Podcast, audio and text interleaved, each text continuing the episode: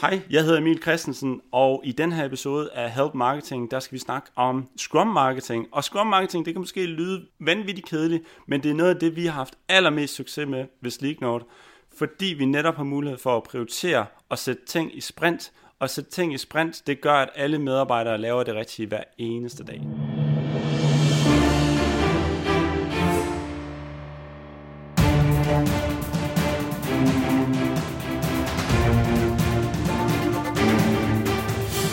Det her er Help Marketing podcasten, lavet for dig, der arbejder med digital marketing, salg og ledelse, og som gerne vil opnå succes ved at hjælpe andre. Jeg hedder Xings, og Help Marketing producerer til min virksomhed, der hedder Nokmal.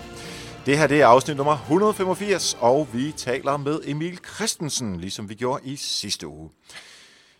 Inden vi går videre, så vil jeg øh, høre dig om, øh, om du har lyst til at give en anbefaling og fem stjerner til Help Marketing podcasten. Det koster dig ikke noget som helst. Til gengæld hjælper det også rigtig, rigtig meget, øh, fordi der er alle de andre, som ikke lytter til øh, podcasten nu, som måske får noget ud af det, der kan finde den meget øh, bedre ved anbefalinger og, øh, og fem stjerner. Det tager altså kun et par minutter, øh, og jeg plejer også altid selv at give anbefalinger og fem stjerner til podcast, som jeg lytter til. Det du gør, det er, at du går ind på øh, iTunes eller i din podcast-app, øh, hvis du altså er på, på Apple, øhm, øh, så giver du fem stjerner, og så skriver du, hvorfor du lytter med. Øh, og så bliver vi rigtig glade herinde i øh, teamet bag Help Marketing. Hvis du nu ikke synes, at Help Marketing fortjener fem stjerner, jamen så mail mig erik.dk og forklar hvorfor, fordi så kan vi gøre noget ved det, så kan vi gøre det endnu bedre. Og så vil vi lave en lille bitte konkurrence nu her. Øhm, og der er det simpelthen, at jeg godt kunne tænke mig fra nu af, og så frem til 1. juni 2018 her, der ville det være super fedt, hvis vi kunne nå at få 31 anbefalinger. Hvorfor 31? Jamen, så har vi netop 100, fordi vi har 69 nu. øhm, og hvis det er, vi når det, så, øhm, så giver jeg simpelthen to bøger til øh, ja, nogle af dem, som, øh, som har øh, altså marketing marketingbøger. Det, det gætter jeg på, at folk kan, næsten kan gætte sig til det, det som, øh, som, som vi giver herinde. Men altså, hvis vi når op til 100 anbefalinger før 1. juli 2018, så giver jeg to Help Marketing bøger til nogle af dem, som har givet an, øh, anbefalinger. Øh, og det faktisk sige, at du har øh, cirka 2 30 eller øh, en 15. del chance for at øh, vinde en bog, simpelthen bare ved at skrive en anbefaling. Øh, og det kræver selvfølgelig, at, at du godt kan lide podcasten. Ikke? Øh, så det, øh, det, det snakker vi om her de næste uger frem til 1. juni, og så håber jeg på, at det kan lykkes. Fokus med Help Marketing er, at vi skal blive bedre til at hjælpe hinanden, fordi det er altså den bedste måde at skabe succes for sig selv og andre på, baseret på værdifulde relationer. Og vi hopper direkte til ugens marketingværktøj, der hedder Draw.io. Det er et rigtig smart system til for eksempel at tegne dine kampagneflows. Hvis du bare laver lidt avancerede kampagner på, øh, på Facebook og blander det måske med noget e-mail markedsføring, måske noget AdWords, øh, øh, alle mulige andre kanaler, som man kan bruge, øh, jamen så er det så vigtigt, at du har styr på det her. Øh, og det er nemmest at bygge sådan noget op visuelt. Og der kan du så bruge det her Draw.io til at tegne dine uh, kampagneflows. Øh, du kan tage sådan nogle figurer, som er lavet i forvejen, og drag og drop dem ind forskellige steder, pile og så videre. Altså, så du simpelthen får hele din, øh, dit kampagneflow øh, øh, vist visuelt. Øh, og så de her genvejstaster, øh, som, som der er derinde, de minder meget om Adobe. Så hvis man bruger det i forvejen, så, øh, så giver det rigtig øh, god mening at bruge det. Så gemmer du simpelthen øh, filen på din computer eller ud i skyen, øh, sådan noget Google Drive eller lignende, øh, og så kan du altid få fat i det igen, og måske også andre kan se på det.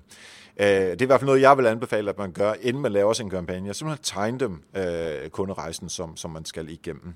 Øh, det er super smart, det er gratis, og så øh, tak til Anita Lykke Clausen, min gode kollega og min øh, med forfatter til marketingbogen for at øh, introducere mig til, øh, til Draw.io.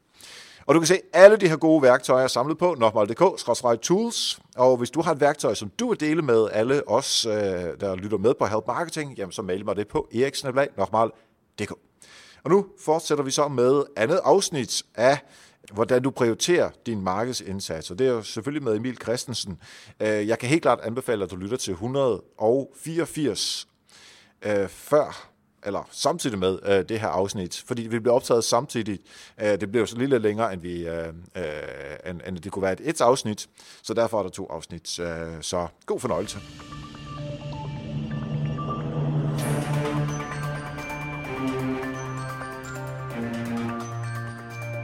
Yes, så sidder jeg her sammen med Emil Christensen, som er CMO og co-founder hos uh, Sleek Notes, og han har lige taget sig en kop kaffe, fordi man skal faktisk ikke lytte til det her afsnit, før man har lyttet til afsnittet før, hvor uh, Emil har givet rigtig mange gode uh, råd, og vi skal videre nu. Men uh, velkommen til uh, nummer to afsnit, hvor du er med, Emil. Mange tak, Mange tak. Det er fornemt at være med i to episoder i træk. Er det første gang? Du er ikke den første, der kommer med i to afsnit, men du er den første, hvor de lige kommer øh, lige efter hinanden på samme dag, og det er jo fuldstændig inspireret af jeres øh, podcast øh, Marketing Brief, som jeg helt klart også kan anbefale, at man lytter til, øh, når, hvis man lytter til Help Marketing. Og det er jo dig, Halvstand, der kører den. Lige meget hurtigt, du er i Sleek Notes, og der er du øh, CMO og co-founder, så du styrer et, øh, et team på, øh, på otte mennesker til at lave al deres markedsføring, og du har givet nogle gode råd til, hvordan man prioriterer sin markedsføringstiltag og tiden i, i teamet. Nu skal vi over og snakke om noget, som lyder utrolig frægt, hvis man er sådan meget digital og udviklertype, nemlig Scrum Marketing. Mm-hmm. Og, hvad, er det, øh, hvad er det Scrum er? Det skal vi lige have på plads først, tror jeg. Ja, altså Scrum er, inden du står af derude som lytter, så jeg lover dig, det er ikke så nørdet, som den her intro, den nu bliver. Scrum, det er et framework for udviklere, som jeg har prøvet at placere ned over et marketingteam. Og hvorfor har jeg gjort det? Jo, det er fordi, jeg netop har manglet, at vi har haft en struktur på, hvad er det for nogle opgaver, vi løser, og hvornår løser vi dem, og hvad er tidsestimatet på opgaverne, og hvor lang tid tager det at løse dem, og bruger vi den tid, som vi nu engang skal på at løse opgaver. Så det er et framework, som oprindeligt stammer fra udvikling, og øh, egentlig brugt i udviklingen til at se, om man når at komme i mål med sine opgaver over det, man kalder et sprint. Og et sprint er jo så x antal dage, eller uger, eller måneder. Så før jeres sprint, du sagde du i sidste afsnit, at det er syv dage, jeres sprint kører på det, så sætter I nogle opgaver, som her er defineret ud fra øh, de prioriteringsmekanismer, I nu engang har internt i Sleeknote, og så siger jeg, fint nok, så kan vi nå de her ting. Og så scrummæssigt skal jeg sige, så prøv at nå dem, og så se, jamen kan vi nå 100%, kan vi måske endda nå 110%, så der lige er en lille smule mere, vi når, eller kan vi kun nå 80%, fordi der kommer alle mulige andre ting ind, eller vi har, øh, øh, vi har budgetteret tiden forkert. Ja, og der hvor vi faktisk har gjort det anderledes i forhold til, hvad man normalt vil gøre i Scrum. Scrum, der vil man typisk sætte point eller timer.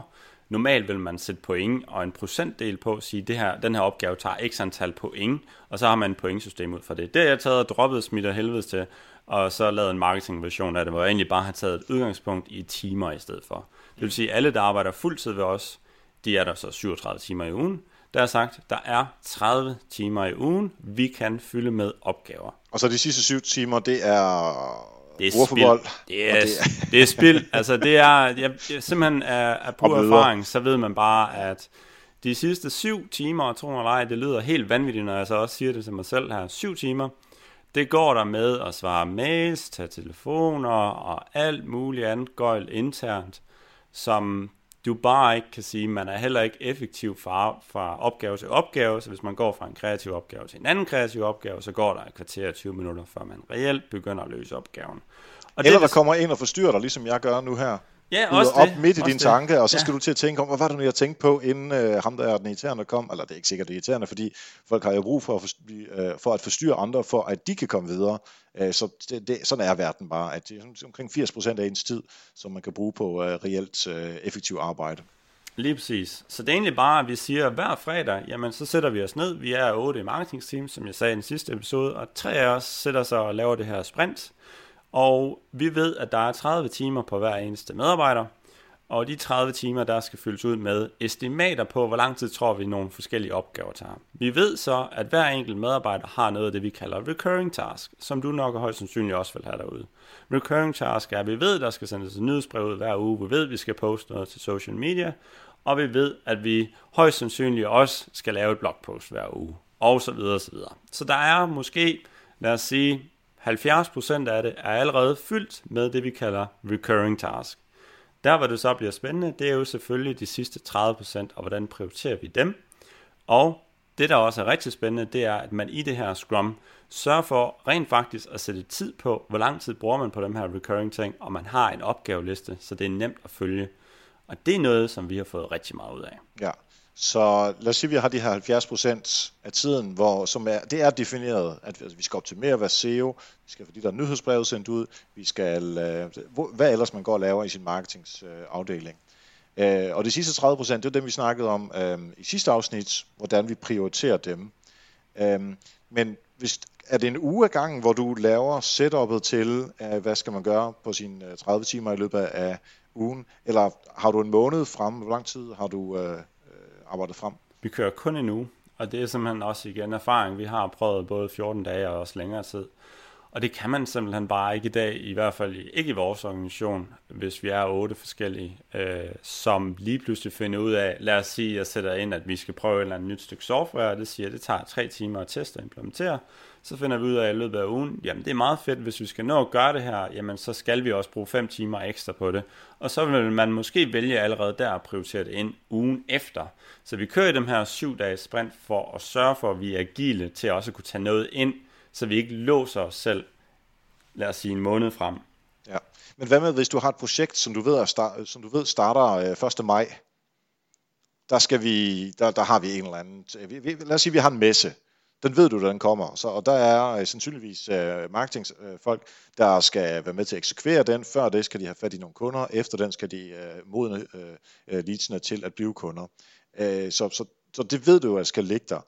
Lægger du ikke det ind på et tidligere tidspunkt, eller hvordan skal jeg forstå det?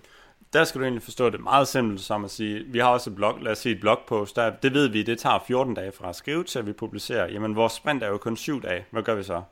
Jamen der tager vi jo så de første syv dage, hvad er det, der skal ske de syv dage? Eller lad os sige, man har et projekt, jeg er ude ved Silvan her den anden dag, jeg snakker om præcis det samme. Og de første, der rækker hånden op, det er selvfølgelig nogle af dem, der lavede deres aviser, som skulle ud hver eneste uge, men de var faktisk fire måneder foran, og de skulle arbejde, de skulle starte fire måneder før. Og en af argumenterne var jo så, jamen det kan jo ikke lade sig gøre, fordi hvis vi kun kører syv dage, jamen så kan det ikke lade sig gøre. Jo, men der er jo altid nogle ting, der sker i uge 1, og så i uge, uge 2, så sker der nogle nye ting, og uge 3, så sker der nogle andre ting, og så videre, og så videre. Så det er egentlig bare en cirkel, du skal starte igen og igen, og lad os sige, man har det, den her messeprojekt, som man ved, om en måned, der skal jeg til messe, jeg skal styre over dem her 100 ting inden, så får man styr over de første 20 ting i uge 1, og 20 ting i uge 2, og 20 ting i uge 3, og så videre. Så når man det, men man skal sætte det i et scope, så det kun er ud af en uge ad gangen. Okay, så øh, medarbejderne ved, hvad det er, de skal lave. Øh, dig som øh, chef, det der sker om tre uger, der er noget, du allerede ved, der sker, fordi messen den starter på det tidspunkt, så det er, det er, lad os sige, det er en af de der store messer, hvor, øh, hvor man er der en hel uge. Der bliver altså ikke kodet særlig meget, der bliver ikke udviklet synderligt meget, så det er sandsynligvis ikke bare 30 timer, men nok også 40-50 timer, som folk kommer til at arbejde den uge, fordi vi er i München eller i Berlin eller sådan noget. Øhm, så på det tidspunkt, der tænker jeg, at du kan jo godt allerede have lavet din 7 dages uh, sprint, sprint på, at hele den uge, den er lukket. Der kan simpelthen ikke komme noget som helst øh, ind i den. At, øh, har du lavet det på forhånd, øh, også en måned frem, hvis du er, du ved det, eller kigger du først på det om fredagen før? Vi kigger kun på det om fredagen før, og det er faktisk noget, vi har taget en meget konkret, det har vi simpelthen taget stilling til, at det er den måde, vi gør det på. Øh, simpelthen fordi vi tidligere har gjort noget lignende, hvor vi har sagt, nu planlægger vi en måned og to måneder og tre måneder frem, hvor vi bare kunne se, jamen de planer, man har lagt, og det er der nok også mange, der kan genkende til, jamen de er bare altid blevet spoleret af et eller andet, jamen så er det to andre, der lige pludselig skal med til messen, fordi det var bedre, at de tog med. Og så lige pludselig så falder hele din plan fra hinanden. Mm. Så vi gør det faktisk uge til uge, og det fungerer ufattelig godt, i hvert fald for os, at sige, jamen vi starter lidt som på scratch, det, vi starter på ny hver eneste fredag, siger, er det de rigtige opgaver, vi prioriterer i næste uge? I stedet for at sige, jamen her er dem ting, vi prioriterede for et halvt år siden. Eh, jeg føler ikke rigtigt, det, det er dem, vi skal prioritere nu. Og der er det jo så vigtigt, at man lytter til episoden før, så man netop ikke kommer til at tage de opgaver, som bare er i kategorien. Dem skal vi bare gøre nu, fordi det er nogle buzzwords, øh, og det er bare det, alle det gør. Fordi det er det, det er det nemmeste at falde i, hvis man bare planlægger uge for uge. Ja. Altså det vil absolut ikke kunne øh, fungere hos os. Øhm, ikke at vide, hvad det er, vi skal lave i maj, eksempelvis. Mm. Fordi vi, vi har nogle projekter, og vi ved, at de skal laves i maj, og der er så mange timer, der er, er, er afsat til det. Altså, vi, vi er jo ikke noget bureau, der får ekstern frem, når man laver projekter, så kommer pengene ind fra en anden kasse. Sådan er det jo af og til i, i, i virksomheder. Så der er vi nødt til at afsætte nogle timer, øh, og det er vi nødt til at vide på forhånd, fordi ellers øh, kan der jo falde noget ind i det der, at vi ikke lægger tre projekter oven i hinanden. Øh, så det der langtidsplanlægning er vi nødt til at lave. Og det er for at sige, at øh, at vores er bedre end jeres, men det er der, man, man skal nok tilpasse det til den virksomhed, man jo engang arbejder i. Helt sikkert, og vi kører også med det, vi kalder et overview. Altså et overview, okay. et simpelt overview board, hvor man kan sige, kommer der nogle store ting. Vi har for eksempel lige været på messe, som du nævnte som eksempel. Det er netop en større ting, og det er noget, som sker en specifik måned. Vi kan ikke bare rykke på den messe. Og det, der har vi sådan et overview board, hvor vi ved, hvad er det, der sker her i februar og marts måned, hvis det er. Øh, og der er selvfølgelig noget, der bliver taget højde for. Vi er ved at lancere et helt nyt website lige nu. Der har vi lagt hele marketingsafdelingen ned i en hel uge. Det er ja. klart, det bliver du nødt til at bare tage højde for, fordi så skulle der være alt muligt andet klar til den her uge, som jo så skulle prioriteres ind i sidste uge. Og der er den eneste måde at gøre det på, at have sådan et simpelt overview. Men jeg vil i hvert fald anbefale at simplificere det, fordi jeg tidligere arbejdet med store Kanban boards, hvor det bare i sidste ende ender med at ikke at hjælpe dig at have den struktur, fordi det skal du, du lige forklare, hvad er. Det, Kanban board er egentlig bare, at du har alle opgaverne over, du har en kolonne med alle opgaverne, og så har du en kolonne med alle, som er i to do, og så har du en kolonne med alle, som er i doing, og alle, der er i done. Øh, og det kan man gøre ud fra måneder også. Øh, kan man board ud fra måneder, og det bliver bare, det bliver noget rod, og det er jo det, som større organisationer sidder med, typisk. Ja. Øh, og jeg ser så også, når jeg kommer ud i afdelinger, at det er det allerstørste problem, det er, hvordan søren prioriterer vi tiden, og hvordan prioriterer vi imellem afdelinger, og sørge for, at den afdeling har overholdt den her deadline osv. Ja, Jamen, jeg får nemmest hovedpine vil bare tænke på øh, de der store boards, hvor der står alt muligt ind, og så er der en eller anden, der har ændret et eller andet, og det har bare 17 bivirkninger andre steder. Og, uh, nej. Det øh, er jeg stor fan af at undgå. I forhold til at få sådan noget her implementeret, altså i sidste afsnit, der sagde du, at du var ene mand på marketing øh, til start med, nu er du så chef for, øh, for otte andre. Øhm, hvordan, er det, er det noget, I startede med, eller er det noget, som I har introduceret siden, og hvordan gik det? Vi har introduceret siden, og jeg ville ønske, at jeg havde det til at starte med, for at være helt ja. ærlig. Altså, så er det jo sådan noget, selvom jeg bare var mig, og selvom jeg bare sad halvtid i marketing, så ville jeg bare ønske, at jeg havde et board over ting, som jeg vidste, de, skulle, de her ting, dem skulle jeg lave den her uge, og jeg har taget stilling til, hvad er det for nogle opgaver, der er vigtige kontra alt muligt andet. Og så kunne jeg sige til min chef, når min chef kom og sagde, øh, hov, du skal, kan vi ikke sende et nyhedsbrev ud med det her nye øh, produkt, eller brand, vi nu har fået, eller hvad end det nu er, hvor man så sidder, jo, men, ja, men der er også nogle andre ting herover der er vigtige, hvor det er sådan lidt, nu er det låst, det er låst i syv dage, så jo, jeg tager ideen ind og siger, det er fair nok, men så skal du skubbe noget af alt det her ud. Det ville være nemmere at argumentere for over for min chef i sin tid, for et par år siden, hvor jeg sad ved en webshop, og det, han kom altid med nogle ting og sagde, jamen, kan jeg ikke lige gøre det her? Og sådan, jo, men altså, der er også nogle vigtige ting her. Hvis jeg havde det dengang, hold nu op, det ville have været en anden hverdag for mig. Så det, det, det jeg gerne vil sige med det, det er, det er ikke størrelsen på virksomheden, det er ikke størrelsen på marketingsafdelingen, som skal gøre, om du vil gøre det her eller ej. Vi har prioriteret det sidenhen og gøre det, fordi vi er blevet flere, så det er blevet en nødvendighed. Men det vil være for mig altafgørende at gøre, selvom jeg bare var mig selv også. Ja, fordi hele det der med, at øh, øh, nogle gange så kalder man det sådan den der squirrel, den der eon effekt. Altså, åh, oh, den er fed, den derovre, den skal vi have. Web push, som vi snakker om. Det skal vi bare have nu. Hvad ellers vi laver nu? Drop det. Lav web push, så vi virkelig kommer, kommer i gang.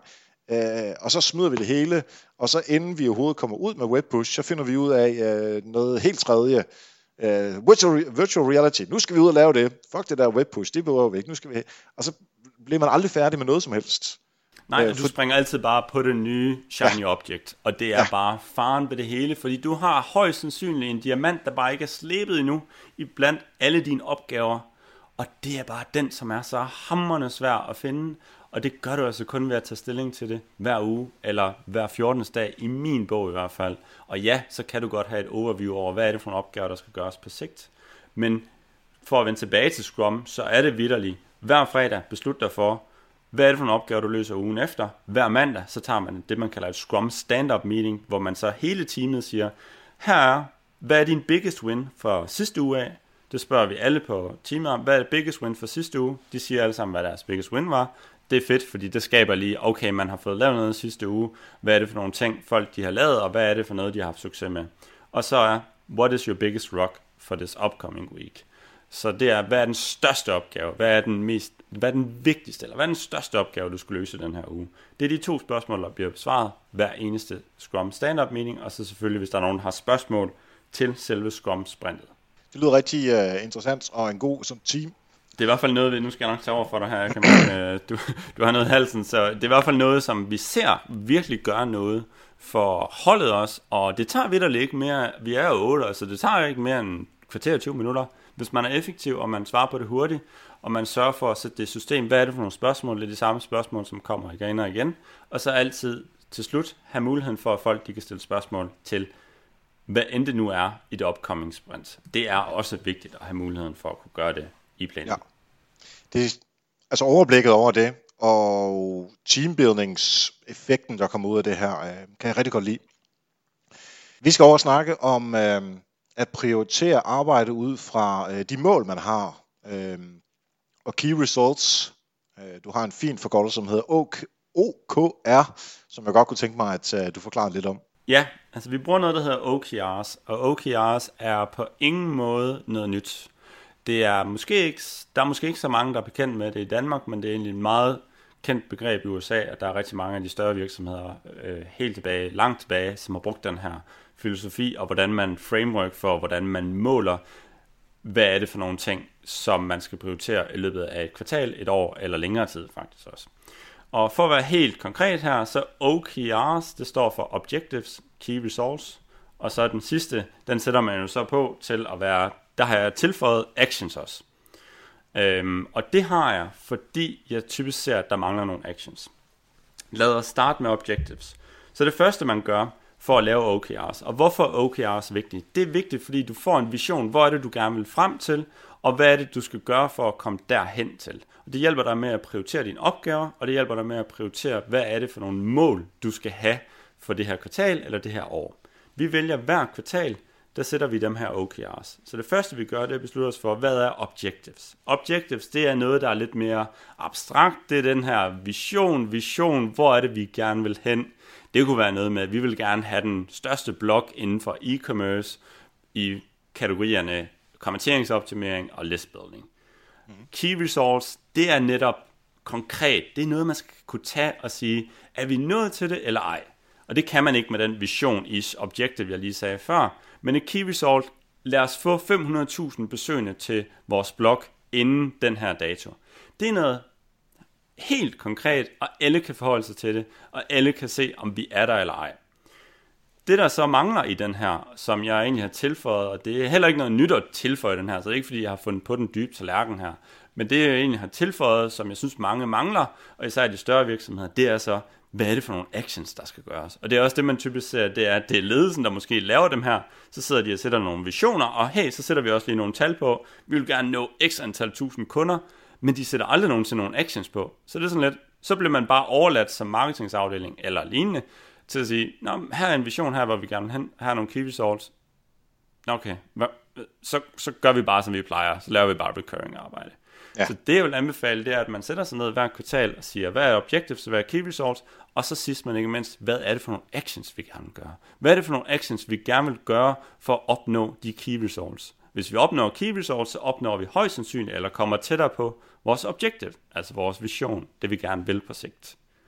Så de her actions, det er altafgørende, og det har vi faktisk sat os ned hele timen, og det gør vi hver kvartal, sætter os ned hele timen, beslutter, hvad er det for nogle objectives, hvad er det for nogle key results, og derfra kan man så sige, okay, hvad er det for nogle actions, der skal til for, at vi kan nå key results? Så det er simpelthen at understøtte de uh, key results, som jeg har brug for. Og jeg synes, det er en rigtig uh, rar måde at sikre, at ledelsen kan komme ind og, og vise vejen, og den enkelte fagmedarbejder kan gå ind og sige, at hvis vi skal den vej, så er det det her, vi skal gøre, fordi det ved jeg, for det, det, det er mit område.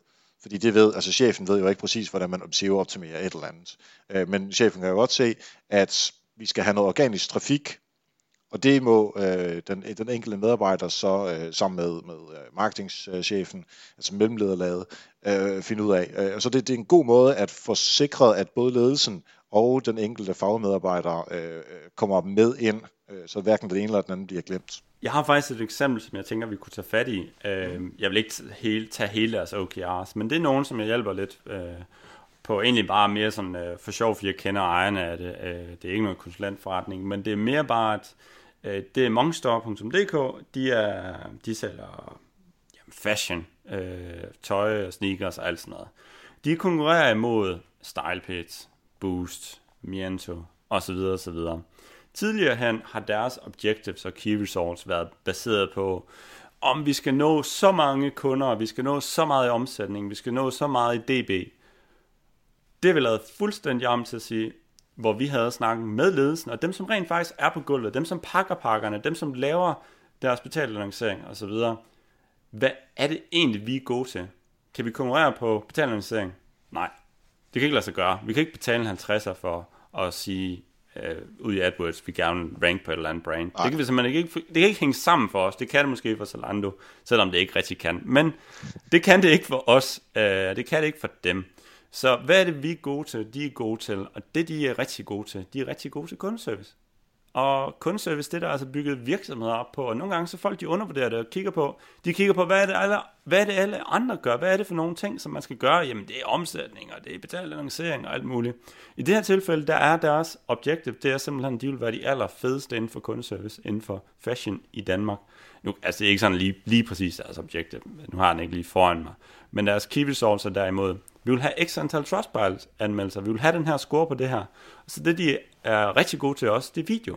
Og det er der ikke nogen af dem, der er Zalando og Miento og Boost, det kan de ikke finde ud af, fordi de ikke har den der personlige touch. De laver sådan nogle branded øh, videoer med, du ved, altså tv-reklamer. Ja. Dem her, de er vanvittigt gode på Snapchat, øh, organisk Snapchat, og de er vanvittigt gode på YouTube til at lave nogle fede videoer der, og på Facebook til at lave nogle helt personlige videoer, hvor de vidderligt tager en iPhone op, vender den om, og kører bare, øh, simpelthen bare selfie mode med den, øh, og optager en video. Det er de helt vildt gode til at få sindssygt meget igennem med. Så det er, hvor mange videoer skal vi nå at lave i ugen? Og hvor meget reach skal vi have på dem? Så i stedet for at tænke det med omsætning og alt muligt, så har vi simpelthen lavet, der, der er nogle actions, der skal til for, at vi når så mange videoer. Det er, at der skal sættes mere proces i det, det er, at der skal sættes nogle systemer op for det, og det er, at der skal optages tre videoer om ugen, og her er de videoer, der skal optages. Trustpilot, vi vil gerne have, at der er flere anmeldelser. Et, måske skulle vi sende noget med i pakken. To, måske skulle vi spørge om det på dem e-mails, som, vi ikke, som de ikke gør i dag, når det er sådan, de foretager en ordre. Måske skulle vi spørge om det i butikkerne også, de har fysiske butikker, og så videre, og så videre. Så det er nogle key results, som man kan tage og føle på. Og der er nogle actions her, som jeg lige fortalte her, som er lige til at gå i gang med. Fordi før har det været sådan noget, ja, pff, SEO, vi kommer aldrig nogensinde til at outrank dem her. AdWords, vi kommer aldrig nogensinde til at kunne spille med i det her spil. Men det her, det kan vi spille med på. Og det er vi, bedre, det er det, vi er dygtige til. Men hvordan søren sætter vi det her system, og hvordan får vi prioriteret over for ledelsen? Og det var en måde at tage fat i det på. Sorry, ja. det blev en lang øh, snøre her. Nej, nej, det er i hvert fald et eksempel. Det, det, er, det er super fedt at få sådan et, et indblik i en, en virksomhed, som har kæmpe, kæmpe øh, udfordrere eller konkurrenter, som, øh, som er meget stærke økonomisk, men der er nogle måske lidt mere personlige ting, som de ikke kan finde ud af. Og så det er ligesom, hvor er svagheden hos konkurrenten henne? Find det, og så vende biksen om, både på det overordnede, øh, det mellemtaktiske, og så helt ned i eksekvering, altså øh, OKR, og så actions, øh, som du er inde på. Ja, jeg, jeg synes jo, det er så nemt, undskyld jeg afbryder, men jeg synes, det er så nemt netop at bare gå ind og sige, jamen vi vil jo det samme som alle andre, og det synes jeg bare, det er der alt for mange, der gør. Og det er, at de kigger ikke på, hvad de rent faktisk gode til. Og det er det, det er i, især i ledelse, man siger, jamen vi vil jo opnå det og det og det. Ja, men så sidder der altså nogen på gulvet og tænker, jamen hvorfor søren er det, vi gør det her? Fordi vi kan aldrig nogensinde følge med, for eksempel i betalingsering. Vi bliver nødt til at finde ud af, hvad er det, vi er gode til, og det er dem på gulvet, der ved det. Og der skal man også bare acceptere, at ledelsen taler et sprog, og dem, der udfører, de taler et andet sprog. Og der er nødt til at være nogen, der oversætter det her, og det synes jeg faktisk, det er et, øh, et ret godt bud på, øh, nærmest sådan en, øh, en, en ordbog, som der, i, eller i overført betydning, som du har fået lavet her. Emil, lige om to sekunder, så kan jeg godt tænke mig for dig at få ganske kort dit bedste råd til at arbejde med Scrum, og det her med at prioritere øh, mål, som vi lige får øh, opsummeret det. Men inden da, der vil jeg gerne have lov til at takke alle jer, der lytter med på Help Marketing. Og du kan jo gøre en kæmpe forskel ved enten at købe Help Marketing-bogen, eller ved at støtte direkte med et beløb, øh, som du selv bestemmer. Det kunne være sådan noget 50 kroner eller noget af den stil fordi på den måde er det den bedste måde at støtte podcasten. Vi er jo stoppet med sponsorater i, øh, i Help Marketing, dem har vi haft tidligere, og så derfor har vi selvfølgelig heller ikke de indtægter mere. Og jeg mener, at, at podcasten faktisk er bedre uden sponsorater, så vi kan gå direkte ind på det, som, øh, som, som det handler om, altså at øh, blive klogere på, øh, på marketing, øh, salg og ledelse. Og derfor håber jeg selvfølgelig, at hvis du er glad for podcasten, at du har lyst til at støtte den øh, økonomisk ved enten at købe bogen eller donere et engangsbeløb. Øh, enten på helpmarketingbogen.dk eller på nokmal.dk-støtte med OE. Og hvis ikke det øh, kan lade sig gøre af, øh, øh, forskellige økonomiske øh, øh, grunde, som du er i, jamen så som sagt til starten af podcasten, så vil jeg blive rigtig glad for en anbefaling og fem stjerner i iTunes eller i podcast-appen. Emil Christensen, Marketing Scrum, et godt råd til, hvordan man kommer i gang med det, og at prioritere øh, sine mål. Et rigtig godt råd til det, vil jeg meget gerne høre fra dig. Marketing Scrum, det er i hvert fald noget, du skal i gang med nu, fordi Marketing Scrum er et framework, som gør, at du sikrer, at du laver de rigtige ting, og det gør, at alle dine medarbejdere har styr på, hvordan du skal gøre det. Du sætter dig ned hver eneste fredag, så prioriterer du, hvad er det, der skal ske i løbet af den næste uge, og så har du et stand-up møde om mandagen, hvor du siger det til teamet, og de får lov til at besvare to simple spørgsmål. Det giver også en dejlig tryghed, så ved man, hvad det er, man skal. Ja, lige præcis. Du ved, hvad du skal, og der er mulighed for nogle forskellige typer at trives i det, at man ved, hvad man skal. Og der er altså forskellige måder at gøre det på. Der er nogen, der er mere organiseret end andre. Og så øh, prioritering af mål. Prioritering af mål, der vil jeg helt klart anbefale, at man kigger på et framework, der hedder OKRs. OKRs kan lyde meget corporate og enterprise. Det er det ikke. Det er også for dig, der bare sidder en mand i marketing. Det er dig, som også bare sidder med din egen lille virksomhed og skal i gang med online markedsføring, eller i det hele taget bare få styr på prioritering af, hvad du laver i din virksomhed. OKR framework. Fedt. Vi er blevet øh, meget, meget, meget klogere, Emil, øh, både i afsnit øh, 1 og 2 omkring det her emne med prioritering i det hele taget. Hvis det nu er, at så der er folk derude, der tænker, han er sgu meget klog, ham der Emil, ham burde jeg da egentlig følge, så, jeg, så ved jeg jo, der er rigtig mange steder, man kan følge dig og blive inspireret, men prøv at nævne nogle af dem selv. Jamen, jeg har et uh, lignende podcast, som er 10 minutter, der hedder Marketing Brief, og vi plejer jo at anbefale Erik os deri, øh, og det er egentlig bare lidt i stil med det her. Vi får ikke så mange ind til interviewen, nu skal vi ikke ind snart, men det er et 10 minutters podcast med online markedsføring, og ellers så er der Twitter, Facebook, LinkedIn, you name it. Øh, min e-mail er ek og man kan altid smide spørgsmål eller kommentarer, eller hvis man gerne vil have nogle af de templates her, som jeg har nævnt. Jeg har templates til alt det her, så bare smid mig en mail, så, så deler jeg en template til det, og så er der i hvert fald ikke nogen undskyldninger for ikke at komme i gang, fordi så er det bare et Google Docs, der skal fyldes ud. Sådan. Opfordret alle lytterne, det er dejligt at have her til sidst. Det var en uh, fornøjelse at have dig med, uh, Emil, her i uh, to afsnit, og jeg glæder mig til at komme på besøg hos Marketing Brief. Jo tak, det var en fornøjelse at være med. Tak for det. Mange tak til Emil. Hatten af for altså det super fede arbejde, som han og hele Sleeknote de laver. Øh, og så øh, også hatten af for øh, Marketing Brief podcasten, som Emil laver sammen med øh, Halvdan Team. Den kan jeg helt klart anbefale også at lytte til. Alle noterne fra afsnittet her og alle andre afsnit, de ligger på Help Marketing Dk. Øh, de er øh, øh, skrevet af Katrine Louise Nielsen fra Coland Copyrights, øh, og det er også en, der har redigeret Help Marketing-bogen. Øh, så gå ind og tjek under afsnit 185, og så tak til Thomas Landal også for at redigere podcasten. Jeg sagde næsten 85 lige før, og det er fordi, jeg vidste, at vi skulle snakke om Help Marketing historie. Hvad skete der for 100 uger tilbage i tiden i afsnit nummer 85? Godt reddet, hvis jeg selv skal sige det. Nå, men der, øh, der talte vi med øh, Frank Hellup Madsen, som er manden bag øh, den, den synlige mand.dk. Øh, Han er AdWords-konsulent og super dygtig til det. Så vi talte om definitionen på Google AdWords, fordele og ulemper ved, ved AdWords, og hvordan man tjener penge på AdWords, altså ved at arbejde med det, men også hvordan Google tjener penge på det. Og så selvfølgelig nogle super konkrete tips til dit AdWords-arbejde. Så hvis du har lyst til at... Tjekker op på uh, AdWords-arbejdet, jamen så gå ind på din app uh, til at lytte podcast med og find afsnit nummer 85, eller direkte på helpmarketing.dk, afsnit 85. Jeg vil selvfølgelig super gerne høre fra dig. Hvis du har ris, ros eller kommentarer eller forslag til gæster og måske værktøjer, så mail mig på eriksnablag.dk. Jeg læser og svarer alle mails, som jeg får. Og har din virksomhed brug for et foredrag eller en workshop eller et forløb omkring markedsføring, så kan du faktisk hyre mig gennem Nokmal, øh, altså min virksomhed. Der kan du maile mig på samme mail, og så finder vi ud af noget. Bliv hængende til efter øh, falderæbet lige om to sekunder, og ellers tak for nu, og husk, ved hjælp andre, opnår du også selv succes. Vi høres ved.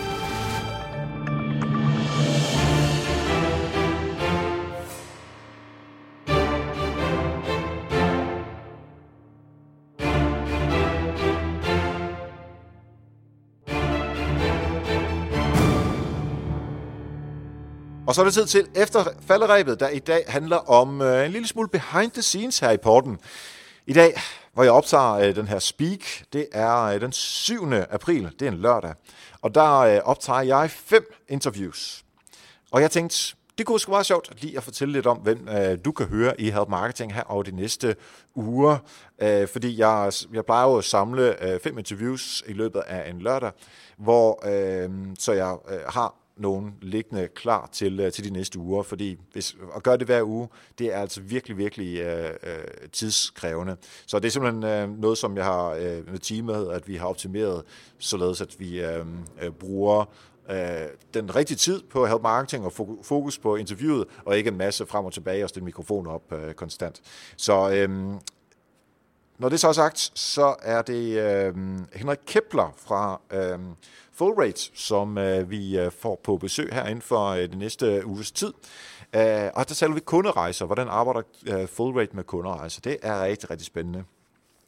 Og så har vi Michelle Rødgaard Jessen, som, øh, som jeg har arbejdet sammen med øh, over de sidste to-tre års tid. Øh, hun er sådan en øh, digital nomade, altså fuldstændig uafhængig af geografi, øh, øh, som også er øh, på besøg. Hun fortæller om, hvordan det der det er med at arbejde på farten. Øh, fordi det tror jeg, mange af os også gør. Måske ikke hele livet, som, som Michelle gør, men hun, øh, altså, når man selv er ude til øh, konference øh, en tre dage eller en uge eller sådan noget, jamen der er nogle ting, man skal være opmærksom på der, øh, så, og det ved hun rigtig meget om. Og så Anita Lykke Clausen, min øh, super kollega, som jeg sidder ved siden af til hver dag, og som jeg har skrevet Help Marketing-bogen sammen med.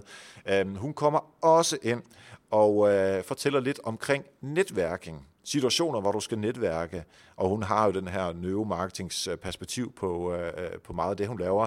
Øh, så hvad skal man gøre? Hvordan får man lige brudt isen for at snakke med nogen, som man ikke kender i forvejen? Super, super cool. Så øh, to personer, Joachim Ditlev og Søren Snedler, som øh, har lavet en, øh, en bog, øh, de, deres begge hedder øh, Mesbar, og så har de øh, lavet en, sådan en, en minibog, som, som de giver gratis ud som, som et slags lead-genereringsværktøj. Og så taler vi om, hvordan, hvordan det fungerer, fordi det er noget stort, episk content, de har lavet, og hvad tankerne har været, hvorfor det lige præcis er den her bog, som kan det her. Øh, og det er rigtig spændende at høre, altså hvor man virkelig går all in på, på et kæmpestort stykke øh, content. Øh, så det er de to herrer, der fortæller om det.